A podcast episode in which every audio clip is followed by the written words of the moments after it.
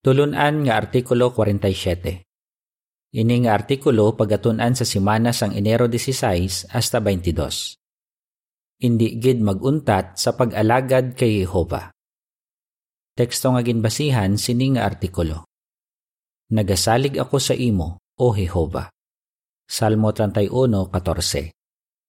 Ambahanon 122. Mangin malig-on kag mapag-on. Ang binagbinagon sa sining nga artikulo. Para makabatas kita kag mangin matutom sa sining katapusan nga mga adlaw, dapat padayon kita nga magsalig kay Jehova kag sa iya organisasyon. Pero ginatinghuan sang yawa nga gubon ini nga pagsalig. Binagbinagon sa sining nga artikulo ang tatlo ka butang nga ginahimo sang yawa. Kag kun ano ang himuon naton para padayon kita nga mangin matutom kay Jehova kag sa iya organisasyon. Para po uno, pamangkot. Nga ama siling naton nga gusto ni Jehova nga manginsuod kita sa iya. Ginaagda kita ni Jehova nga manginsuod sa iya. Gusto niya nga mangin Diyos naton siya, aton amay, kag aton abyan. Ginasabat niya ang aton mga pangamuyo kag ginabuligan niya kita kung may mga problema kita. Kag paagi sa iya organisasyon, ginatudloan niya kita kag ginaamligan. Pero ano ang himuon naton para manginsuod kita kay Jehova? Para po dos, pamangkot. Ano ang himuon naton para manginsuod kita kay Jehova? Manginsuod kita kay Jehova kung mga muyo kita sa iya, kag basahon naton ang iya pulong kag pamalandungan ini. Makabulig ini sa aton nga palanggaon siya kag pasalamatan. Magapaligon man ini sa aton nga tumanon siya kag dayawon kay takos gid siya sa sini. Importante gid nga makilala naton sing maayo si Jehova kay magabulig ini sa aton nga magsalig pagid sa iya kag sa iya organisasyon nga ginagamit niya para buligan kita. Para po tres, pamangkot. Paano ginatinghuan sang yawa nga maguntat kita sa pag-alagad kay Jehova? Pero ano ang makabulig sa aton para hindi kita magbiya sa aton Diyos kag sa iya organisasyon? Pero, ginatinghuan sang yawa nga maguntat kita sa pag-alagad kay Jehova kung maka-eksperyensya kita sing mga kabudlayan. Paano niya ini ginahimo? Amat-amat niya nga ginaguba ang aton pagsalig kay Jehova kag sa iya organisasyon. Pero may mahimo kita para indi niya kita madaog. Dapat mabakod ang aton pagtuo kag pagsalig kay Jehova kay magabulig ini sa aton nga indi magbiya sa aton Dios kag sa iya organisasyon. Ang Salmo 31:13 kag 14 nagasiling. Kay hinadlukan gid ako. Sang nabatian ko nga madamo ang nagapakalain sa akon. Nagahimbon sila batok sa akon. Nagapahito sila nga kuhaon ang akon kabuhi. Apang nagasalig ako sa imo, O Jehova. Nagasiling ako, Ikaw ang akon Diyos. Para po 4. Pamangkot. Ano ang binagbinago naton sa sininga artikulo? Sa sininga artikulo, binagbinago naton ang tatlo kakabudlayan nga posible himuon sa aton sang mga indi saksi. Ang kada isa sini posible makaguba sang aton pagsalig kay Jehova kag sa iya organisasyon. Paano ini nga mga kabudlayan posible mangin rason para maguntat kita sa pag-alagad kay Jehova? Kag anong himuon naton para hindi kita madaog ni Satanas? Kung may mga problema kita. Para po singko, pamangkot. Paano ang mga problema makaguba sang aton pagsalig kay Jehova kag sa iya organisasyon? May mga tion nga makaeksperyensya kita sang mga problema. Halimbawa, posible pamatukan kita sang aton pamilya o kon madulaan kita sang obra. Paano ini nga mga problema makaguba sang aton pagsalig sa organisasyon ni Jehova kag mangin rason nga maguntat kita sa pag-alagad sa iya? Kung may mga problema kita nga madugay na nato nga ginabatas, posible madulaan kita sang paglaom kag masubuan. Ginahingalitan ini ni Satanas kay gusto niya nga huna-hunaon naton nga indi kita palangga ni Jehova. Gusto sang yawa nga basulo naton si Jehova o kon ang iya organisasyon sa aton mga problema. Amo ini ang natabo sa pila ka Israelinhon sa Ehipto. Sang primero, Nagapati sila nga gintangdo ni Jehova si Moises kag si Aaron para luwason sila sa ila pagkaulipon. Pero sang ginpabudlayan pagid sila sang paraon, ginbasol nila si Moises kag si Aaron sa ilang mga problema. Ginsilingan nila si Moises kag si Aaron. Bangod sa inyo na akig sa amon ang paraon kag ang iya mga alagad. Kamo ang nagbutang sing espada sa ila kamot agud patyon kami. Exodo 5:19 hasta 21. Hindi gid maayong ila ginhimo kay ginbasol nila ang matutom nga mga alagad sang Dios.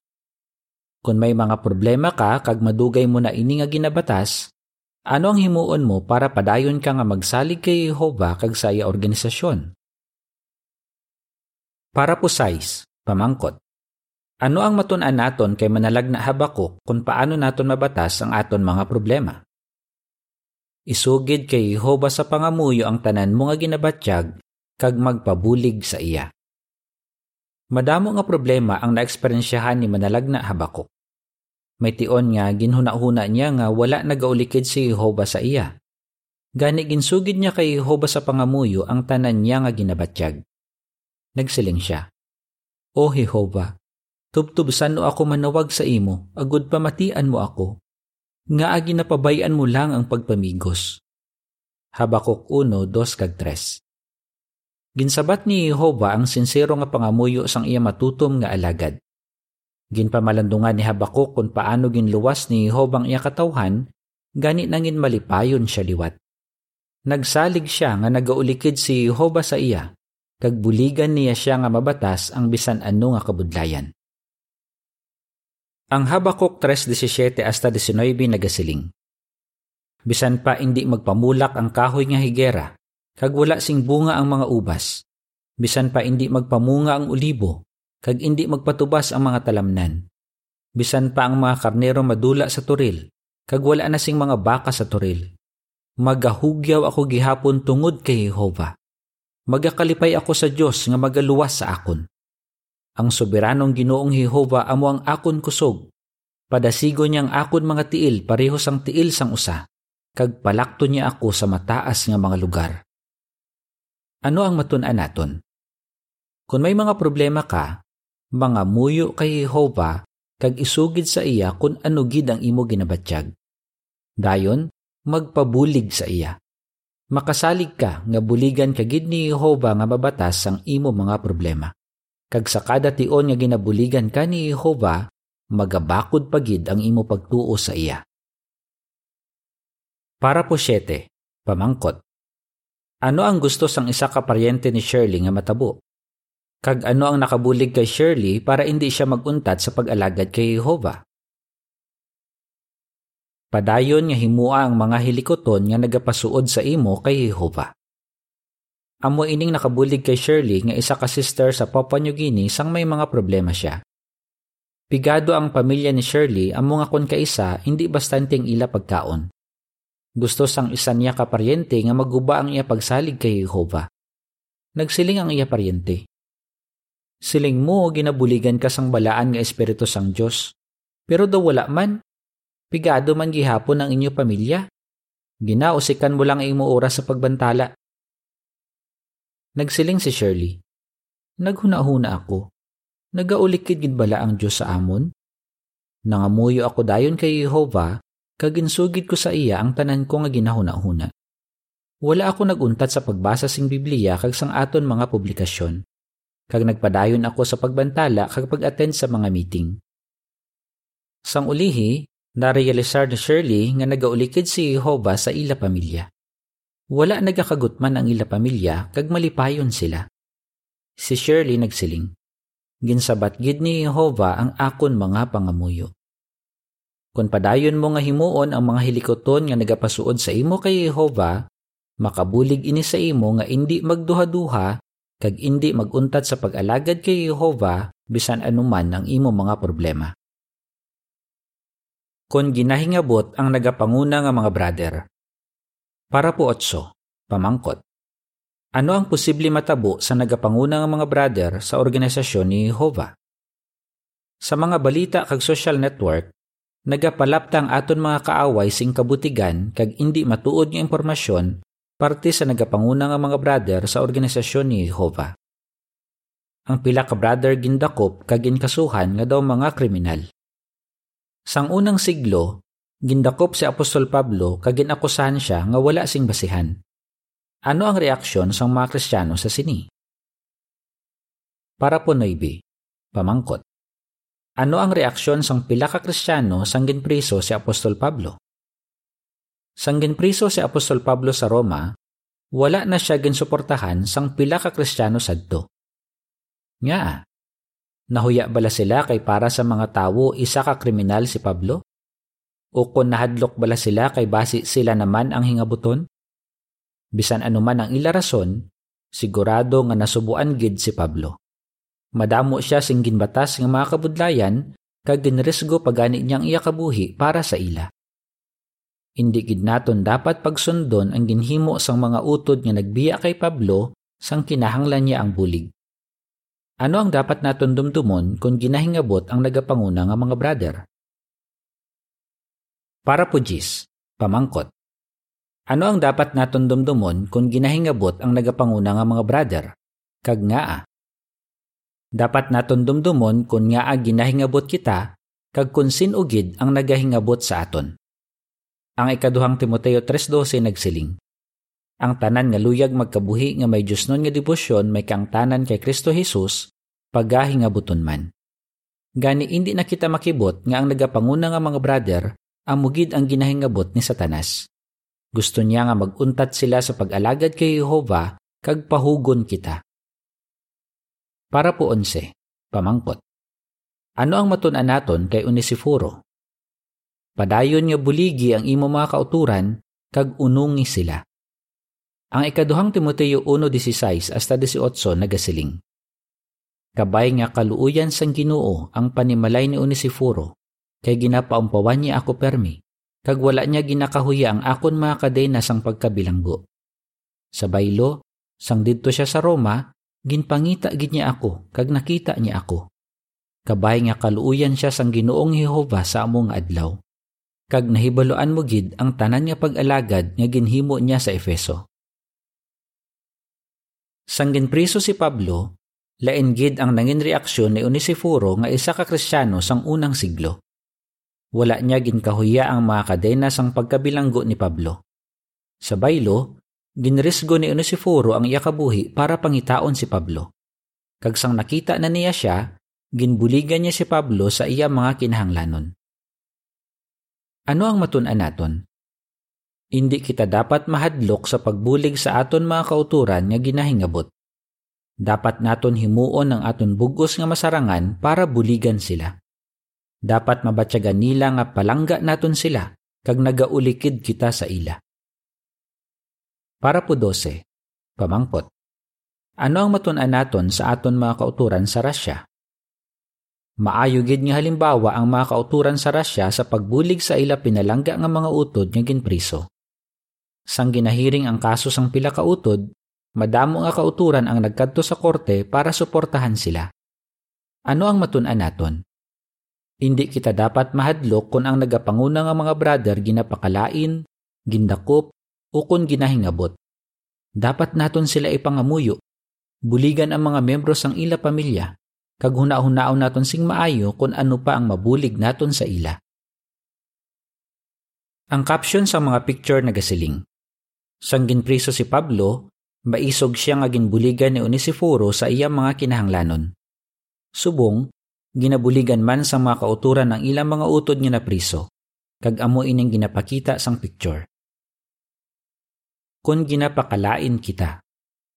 Para po 13, pamangkot. Paano ang pagpakalain makaguba sang aton pagsalig kay Jehova kag sa iya organisasyon?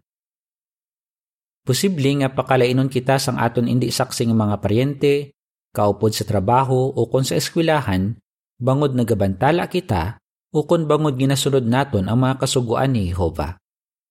Posible magsiling sila. Nanamian ako sa imo, pero grabe ka strikto sang inyo relihiyon, kag daw ka dinumaan na. Posible nga pakalainon naman kita sang iban bangod sa aton pagtatar sa mga na-disfellowship. Posible magsiling sila. Abi ko, may gugmaon ka nga tawo. Kung silingan kita sini, posible nga maghuna-huna kita kung bala makatarunganon gid man ang mga kasuguan ni Jehova. Basi maghuna-huna kita. Makatarunganon bala ang ginapahimo ni Jehova sa akon? Tama bala ka estrikto sa iya organisasyon? Kung amo sinang imo ginahuna-huna, ano ang makabulig sa imo para padayon ka nga mangin matutom kay Jehova kag sa iya organisasyon? Para po 14, pamangkot. Ano ang himuon naton kung pakalainon kita sang iban bangod ginatuman naton ang mga kasuguan ni Jehova? Padayon nga tumana ang mga kasuguan ni Jehova. Ginpakalain si Job bangod gintuman niya ang mga kasuguan ni Jehova, pero padayon niya ini nga gintuman. Ginsilingan pa siya gani sang isa niya ka hindi matuod nga abyan, nga bisan pa tumano ni Job ang mga kasuguan sang Dios o kun hindi, wala kuno labot sa sini ang Dios. Pero wala nagpati si Job sa sini nga kabutigan. Para sa iya, Insakto gid ang mga kasuguan sang Dios parte sa husto kag sala, kag gusto niya nga tumanon ini permi. Wala siya nagpaapekto sa ginsiling sang iban, kundi padayon siya nga nangin matutom sa Dios. Ano ang matun-an naton? Dapat naton padayon nga tumanon ang mga kasuguan ni Jehova bisan pa pakalainon kita sang iban. Huna-huna asing maayo ang imo kabuhi. Sigurado nga madamo nga beses mo na nga naeksperyensyahan ang maayo nga resulta sang pagsunod sa mga kasuguan ni Jehova. Gani padayon nga sakdaga ang organisasyon nga nagatuman sa sini nga mga kasuguan. Makabulig ini sa imo nga indi maguntat sa pag-alagad kay Jehova bisan ano pa nga pagpakalain ang himuon sang iban sa imo. Ang Salmo 119:50 hasta 52 nagasiling. Amo ining akon lugpay sa akon kalisdanan, kay ang imo ginsiling nagtipig sang akon kabuhi. Subragid ang pagiguta sa akon sang mga makahas, apang wala ako magbiya sa imo kasuguan. Ginadumdum ko ang imo mga sugo nga ginhatag mo sang una, O Jehova, kag nalugpayan ako sa sini. Ang caption sang picture nagasiling. Sang ginpakalain si Job sang iya indi matuod nga mga abyan, wala ginpatihan ni Hob ang ila kabutigan. Sa baylo, handa si Hob nga padayon niya mangin matutom kay Jehova. Para po 15, pamangkot. Nga agin pakalain si Bridget. Binagbinaga ang eksperyensya ni Bridget nga isa ka sister sa India. Ginpakalain siya sang iya pamilya bangod sa iya pagtuo. Nabautismuhan siya sang 1997. Wala madugay pagkatapos ini, nadulaan sing obra ang iya indi saksi nga bana. Gani nagdesisyon ang iya bana nga masaylo sila nga mag-asawa upod sa ila mga bata nga babayi sa mga ginikanan sang iya bana nga nagaistar sa iban nga syudad. Pero hindi lang amo sini ang problema ni Bridget. Bangod wala sing obra ang iya bana, nag-obra si Bridget sing full-time para masuportahan ang ila pamilya. Magluwas sina mga 350 ka kilometro ang kalayuon sang pinakamalapit nga kongregasyon sa ila lugar. Nasubuan gid siya kay ginpamatukan siya sang pamilya sang iyabana. Grabe gid ang pagpamato kay Bridget, amo nga nagsaylo liwat ang ila pamilya. Dayon, wala gid niya ginapaabot nga mapatay ang iyabana. Sang ulihi, napatay ang 12 anyos niya nga bata nga babayi bangod sa kanser. Naglalain pagid si Bridget kay siya ang ginabasol sang iya mga paryente sa mga natabo. Nagsiling sila nga wala kuno inikuntani na tabo kung wala siya nangin saksi ni Jehova. Pero padayon siya nga nagsalig kay Jehova kag sa iya organisasyon. Para po 16, pamangkot. Paano gin pakamayo si Bridget bangod padayon siya nga nagsalig kay Jehova kag sa iya organisasyon? Bangod malayo ang ginaestaran ni Bridget sa kongregasyon, Ginpaligon siya sang manugtatap sang serkito nga magbantala siya sa ila lugar kang maghiwat siya sing mga meeting sa iya balay. Nabudlayan gid siya sang primero. Pero ginsunod niya ang ginsiling sang manugtatap sang serkito. Nagbantala siya sang maayong balita sa iban. Naghiwat siya sing mga meeting sa iya balay. Kag regular sila nga naga-family worship sang iya mga bata nga babayi. Ano ang resulta? Madamo sing Bible study si Bridget kag madamo sa ila ang nabautismuhan. Nangin regular pioneer siya sang 2005. Bangod nagsalig siya kay Jehova kag sa iya organisasyon, ginpakamaayo gid ni Jehova si Bridget. Matutom nga nagaalagad kay Jehova ang iya mga bata nga babayi, kag may duha na subong ka kongregasyon sa ila lugar. Para kay Bridget, Nabatas niya ang iya mga problema kag ang pagpakalain sang iya pamilya bangod ginbuligan siya ni Jehova. Padayon niya mangin matutom kay Jehova kag sa iya organisasyon. Para po 17, pamangkot. Ano ang dapat naton himuon? Ginapapati kita ni Satanas nga ginapabayan kita ni Jehova kung may mga problema kita. Kag mabudlayan pagid kita kung magpabilin kita sa organisasyon ni Jehova. Gusto ni Satanas nga mahadlo kita kung ang nagapanguna nga mga brother ginapakalain, ginahingabot, o kung ginpriso. Kag ginaguba ni Satanas ang aton pagsalig sa mga kasuguan ni Jehova kag sa iya organisasyon paagi sa pagpakalain sa aton. Pero wala kita nagapaapekto sa sini kay kabalo kita nga ginagamit inisang yawa para maguntat kita sa pag-alagad. Dapat gid naton isikway ang mga kabutigan ni Satanas kag dapat padayon kita nga mangin matutom kay Jehova kag sa iya organisasyon. Tandai nga indi gid kita pagbiyaan ni Jehova. Gani, indi gid kita dapat maguntat sa pag-alagad kay Jehova. Para po 18, pamangkot. Ano ang binagbinago naton sa masunod nga artikulo? Sa sining nga artikulo, ginbinagbinag naton ang mga kabudlayan nga posible himuon sa aton sang mga indi saksi. Pero posible man maguba ang aton pagsalig kay Jehova bangod sa nagakatabo sa sulod sang kongregasyon. Ano ang himuon naton kung matabo ini? Binagbinago naton ini sa masunod nga artikulo. Paano kita padayon nga mangin matutom kay Jehova kag sa iya organisasyon kung may mga problema kita? Kung ginahingabot ang nagapanguna nga mga brother? Kung ginapakalain kita? Ambahanon 118. Dugangi ang amon pagtuo. Diri natapos ang artikulo.